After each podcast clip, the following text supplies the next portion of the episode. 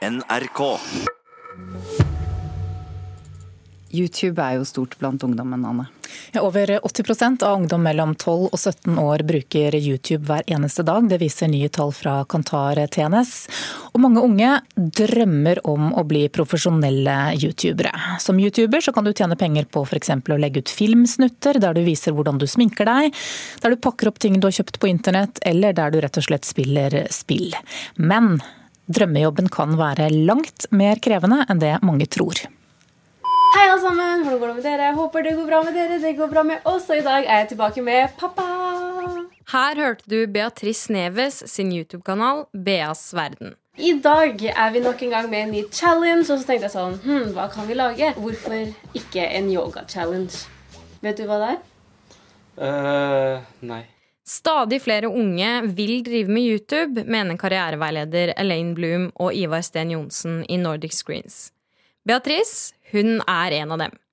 Hun har over 60 000 abonnenter på sin YouTube-kanal. Og selv om innholdet stort sett består av underholdning og moro, forteller hun at det er mye jobb. Du jobber egentlig 24-7. Det er på en måte ikke et A4-yrke. Det er ikke sånn at du jobber fra og med 9 til 5. Det skjer ikke. Og selv om YouTube er en deltidsjobb for Beatrice, er hun sin egen sjef, kameramann, redigerer og skaper. Altså, du får gjøre akkurat det du vil, og når du vil. Mens det negative Altså, det er veldig mange som på en måte tar det ikke så seriøst. Fordi de tenker sånn ah, det er så lett du filmer og redigerer og legger ut, men det, det krever sinnssykt mye jobb.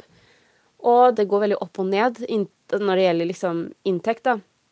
Du kan i en måned tjene mye, og så neste måned er sånn, ja.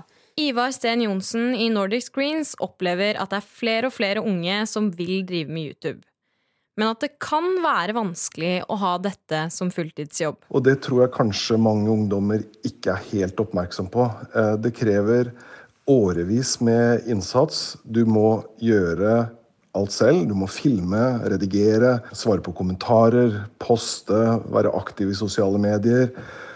Pluss at du har jo ingen garanti for å lykkes, da. Men det blir litt som i toppidrett. Fristende likevel. Mange kommer også til karriereveileder Elaine Bloom og sier at YouTube-stjerne, det vil jeg bli når jeg blir stor. Eh, og så har man jo hatt en del av disse tradisjonelle yrkene, lege, advokat, brannmann, politi, kunstner eller magiker. Eh, men i større grad nå så sies det at eh, de mellom 6 og 17 ønsker å jobbe med YouTube. Og flere Bloom har jobbet med, har klart å gjøre YouTube-hobbyen om til en jobb man kan leve av. Men det er en bakside av medaljen. Altså 365 dager i året er de på. Men de har kommet til meg for å få veiledning, mentaltrening. De er utbrente, de er slitne. Og det er ikke så rart det, når det er 365 dager. Hver gang du er sammen med noen, så må du tenke det perfekte bildet. ikke sant? Du vet alle de tingene her. Og så må du hele tiden skape content. Skape, skape noe nytt. Du pusher jo grenser, ikke sant. Med en så usikker jobb er det viktig å ha beina godt planta på jorda og tenke at YouTube det skal være noe som er gøy, sier youtuber Beatrice Neves. La oss si at du nettopp har filmet og lagt ut en ny video. Man tenker med en gang OK, hva er neste video? Hva er videoen etter det igjen, og etter det? Det kan virke veldig, veldig slitsomt. Men igjen, så lenge du ikke tar det altfor seriøst og har det gøy med det, ja, altså, det, det skal gå bra. Reporter her, det var Kaja Marie Andreassen.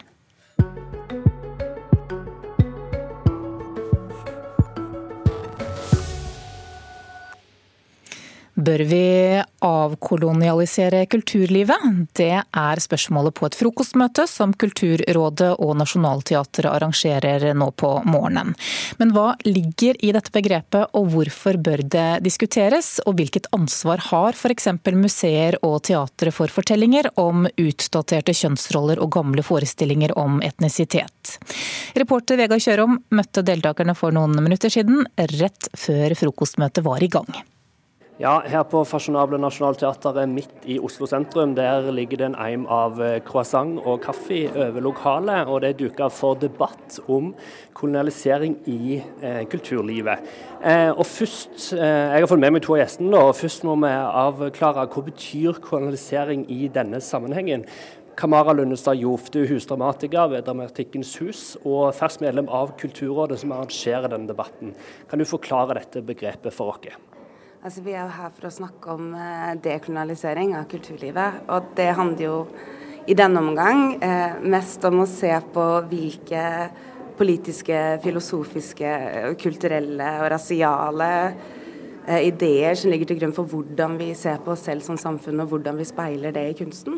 Eh, og så prøver vi å se på hvordan vi kan eh, rive dette litt i fillebiter, da, og se hva som er eh, reell historie, og hvilken historisk kanon vi velger selv å forholde oss til. Hvorfor er dette temaet relevant akkurat nå? Jeg tror det alltid har vært relevant. Jeg er veldig takknemlig for at det er blitt en del av en større eh, politisk eh, og kunstnerlig debatt eh, nå i 2019. Eh, jeg tror det er relevant fordi vi har en tendens til å se på oss selv som om at dagen i dag er et vakuum. At alt som skjer i dag og hvordan verden ser ut i dag og samfunnet vårt eh, er litt tilfeldig og ikke har noe med en historisk kontekst å gjøre. Og jeg tenker at For at vi kunne, kan kunne se på oss selv som samfunn, så er vi nødt til å kunne se hvor vi kommer fra og hva vi har vært med på. Og det har vi brukt litt lite tid i Norge på å se på uten et nasjonalromantisk blikk. Mm. Står òg her med rektor ved Kunsthøgskolen i Oslo, Jørn Mortensen. Eh, I sommer så opplevde dere at det kom en eh, kunstmarkering på trappene ved Kunsthøgskolen, der eh, flere uttrykte at eh, skolen var for eh, dårlig til å fange opp eh, antirasistiske og postkoloniale perspektiv. Eh, vil du si deg enig i det, at dere er for dårlige på det i dag? Jeg tror det ikke er sånn at man er god eller dårlig på dette, for dette er noe man må holde på med hele tiden. Det er ikke noe man sjekker av én gang. Og Derfor er jeg veldig enig med Kamara i at dette er ikke noe som er viktig nå, det har vært viktig veldig lenge. For det dreier seg om å avkle og avlese og også dekonstruere de, forestillingene som vi uh, jobber etter, og som vi også bygger institusjoner, institusjoner i forhold til. Så for oss var det en nyttig og veldig viktig påminnelse, og kanskje også riktig kritikk eh, i forhold til eh, om vi er, har dette langt framme i pannebrasken hele tiden. Men så vil jeg jo si at eh, det er jo, på Kunsthøgskolen så har jo disse perspektivene også vært en del av samtalen. Om ikke i alle avdelingene og alle fagmiljøene, så i hvert fall i veldig mange fagmiljøer. fordi at eh, F.eks. i håndverkstradisjonen og håndverksfagene våre, så er, eh, det, så er verdensbildet, altså det globale perspektivet, veldig viktig. Eh, om det er like godt reflektert i alle praksiser, det tror jeg var veldig nyttig å få, få, få påpekt. Eh, men eh, jeg er veldig opptatt av at dette er pågående arbeid. Det er litt sånn som vi må snakke om Faust. ikke sant? Altså dette, dette, må gjøres hele tiden. Dette kan ikke sjekkes av én gang. Ble du overraska når den kritikken kom? Ja, altså, nei, jeg, jeg ble ikke så overrasket over at dette er til stede i virkeligheten akkurat nå. fordi at etter metoo, som også har dreid seg om å, om å avsløre maktstrukturer, så begynte jeg å se rundt meg. Hva er det for noe annet som kan og bør avsløres og avdekkes? Og det, det, postkoloniale perspektivet er ett av de aspektene. Så, så, Sånn sett så var det ikke noe spesielt overraskende over at, det, at dette var en del av kulturdiskusjonen og, og, den politiske diskusjonen. Du nevner metoo her, eh, og det er et av temaene som skal opp eh, i dagens samtale her på Nationaltheatret. I tillegg skal det snakkes om etnisitet, urbefolkning, samer. Er begrepet kolonialisering og avkolonialisering er det for store begrep, og at det blir egentlig vanskelig å diskutere fordi en diskuterer alt og ingenting? Altså, jeg tror På den ene siden så kan det bli en veldig overveldende akademisk debatt. Og det er veldig viktig å minne oss på at dette er både en politisk debatt, det er en kulturdebatt, det er en akademisk debatt. Det er ofte en filosofisk og en religiøs debatt i tillegg. Eh, men stort sett så handler det jo om interseksjonalitet, tenker jeg. Der hvor alle aspektene av et menneske møter hverandre. At som sort, skeiv kvinne, så er det flere av disse eh, temaene som påvirker meg. Eh, så jeg tror det er bare veldig viktig å, huske på at dette har eh, reelle daglige konsekvenser for mennesker, samtidig som vi ser igjennom et pensum, samtidig som vi ser igjennom en historikk eh, og prøver å se oss selv som samfunn. Så jeg tror det er bare veldig viktig å ha det i mente på alle nivåer av samtaler vi har, da, rett og slett. Til og med de som foregår på gulvet og de som foregår oppe i akademia. Hvorfor er det viktig for det norske samfunnet at kunst- og kulturlivet blir bedre på dette her? Jeg tror det er viktig at uh, hvis kunst- og kulturlivet gjør det som, den, som kunst- og kulturlivet bør gjøre, så er det å vise vei. altså Å være litt i front og, og drive samtalene. Og, og, kanskje være et eksempel. og Drive samtalene, drive diskursen for, for hele samfunnet. Det er kunsten og kulturens uh, oppgave også. Vi, og Jeg er også enig i at det kan fort bli en akademisk øvelse, men, men jeg tror nok at f.eks. på Kunsthøgskolen så må det også være et element av en akademisk øvelse, men vi også jobber veldig konkret med det. Hvordan ser repertoaret ut? Hva er referansene? Hva er, hva er kvalitetsparameterne etc. Og Det jobber vi helt konkret med på, inn, i, inn, i, de ulike programmene. Så det må både være en slags type filosofisk, politisk, akademisk refleksjon og et helt konkret arbeid samtidig. Om vi ser på det norske kulturlivet og debatten som har gått, så har det vært store endringer de siste årene og siste tiåra. Eh, er det nødvendig med en sånn debatt her i dag fortsatt? Ja, helt klart. Jeg tror at eh det som ofte kan være opprørende når det kommer til denne debatten, er det at eh, for oss som lever i det landet her med en annen hudfarge, men med en norsk identitet, så kan ting som kan virke sjokkerende på andre, være helt sånn hårreisende klisjeer for oss. Det at det eksisterer rasisme, den måten sexismen er utbredt i samfunnet, hvordan man opplever å bli ekskludert. Eh, så jeg tror at det er en veldig akutt debatt som vi er nødt til å ta, som Jørn sier, hver eneste dag. Vi kan ikke bare ta den en gang imellom. Vi kan ikke sjekke den av. Det må være daglig arbeid hvor vi jobber oss fremover. Ja, Det sa til slutt Kamara Lundestad Jov, husdramatiker ved Dramatikkens hus og ferskt medlem av Kulturrådet. Og du hørte også Jørn Mortensen, som er rektor ved Kunsthøgskolen i Oslo. Og dette frokostmøtet det startet klokka åtte, og dersom du vil følge det, så kan du gjøre det på nettsidene til Nationaltheatret. Og reporter, det var Vegard Kjørom.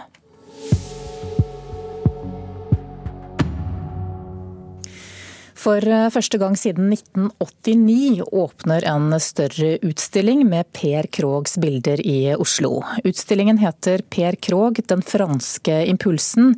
Mona Pale Bjerke, kunstkritiker her i NRK. Aller først må du forklare hvem Per Krog egentlig er? Altså Det er sønnen faktisk til Christian Krog og Oda Lasson. Men han er så mye mer enn bare en som har berømte foreldre. Han er en av våre fremste modernistiske malere. En av våre aller viktigste kunstnere fra det første halvdel av det 20. århundre. Han var jo blant de kunstnerne som var mest mottagelig for inspirasjoner fra kontinentet. Han eh, bodde i flere perioder i Paris og studerte bl.a. under Henri Matisse. Så han er veldig preget av det franske og det europeiske for øvrig, og brøt jo nokså tvert med sin fars realistiske prosjekt, og skapte et veldig egenartet uttrykk, et litt sånn skjematisk, stilisert, figurativt formspråk, der han kombinerte surrealismens drømmeaktige stemning, dadaismens ondskapsmuntre humor, og et, med et bitende samfunnsengasjement. Så her eh, har han jo også noe da arven etter faren sin med seg. Han er også kjent for monumentalarbeider, både i rådhuset og på Sjømannsskolen, blant annet. Og Hva slags bilder er det vi kan se i denne utstillingen? Et bilde jeg festet meg ved, det viser en ung, meget høy, slank kvinne. Kroppen hennes er da bare malt som en svai strek, et uh, smalt penselstrøk. Hun er kledd i skinnende sjøgrønn. Både kjolen og frisyren bærer veldig preg av 1920-tallsstilen. Uh, og hun, uh, hun, Veldig sentralt i bildet så er det en elektrisk lampe som kaster et kaldt lys på interiøret på scenen, i de irrgrønne veggene. Og den elektriske lampen ble jo denne fasen brukt som som en metafor for det moderne liv. Og dette er helt klart også en moderne kvinne med mange jern i ilden. Hun er elegant, og hun står og sjonglerer alle virkelighetens oppgaver med en letthet. Hun har en hund om bena, en baby på hoften, eh, en tekanne i den andre hånden, og har liksom helt full kontroll samtidig som hun er så vakker og elegant. da. Mm. Men noen av bildene de har en mørkere stemning og en mørkere tone? Absolutt. Eh, et bilde som er veldig preget av surrealismen, som blomstret i Frankrike på 1920-30-tallet. Det er et maleri der vi ser en ung, naken kvinne med en svart ravn på skulderen. Og hun vender hodet inn mot fuglen som om hun snakker til den. Og i bakgrunnen så ser vi en mektig galge der det dingler et menneske, og under på bakken så sitter en mann i en sånn merkelig positur, og en kvinne eller en ung pike løper mot denne mannen med vind i håret. Og det er som i surrealismens ånd da, veldig, en usammenhengende, veldig uklar eh, fortelling. Men stemningen er ikke til å misforstå. Det er den sterke undergangsstemningen som preget Europa i denne fasen. Men Krogh var jo ikke bare en eh, innadvendt surrealist, han har også et stort samfunns samfunnsengasjement? Ja, helt klart. Han begynte som avistegner som meget ung mann, og i 1919 så skapte han en satirisk billedserie som heter 'Krigens ansikt', som vi også får se deler av da i utstillingen. Her kan vi bl.a. se en krumbøyd skikkelse som er tynget ned av en gigantisk tysk soldathjelm. Han tematiserte også dette med matrasjoneringene. Det er en mann i filler med tærne som stikker ut av skoene, og som gnager på sin egen legg. Så det er liksom dette, denne svarte humoren, både humoristisk, men også gravalvorlig på samme tid. Dette er jo Munch-museets utstilling, men den vises ikke i Munch-museet. Hvorfor ikke? Nei, Utstillingen vises i Kunsthall Oslo. Eh, den er en del av prosjektet Munch-museet i bevegelse. og Det er jo Munch-museet som kuraterer utstillinger utenfor huset, rett og slett fordi de er på flyttefot. Og for ikke å legge ned aktiviteten, så har de utstillinger også i Kunsthall Oslo, som selvfølgelig er et veldig godt grep, da, så man slipper å innstille alt.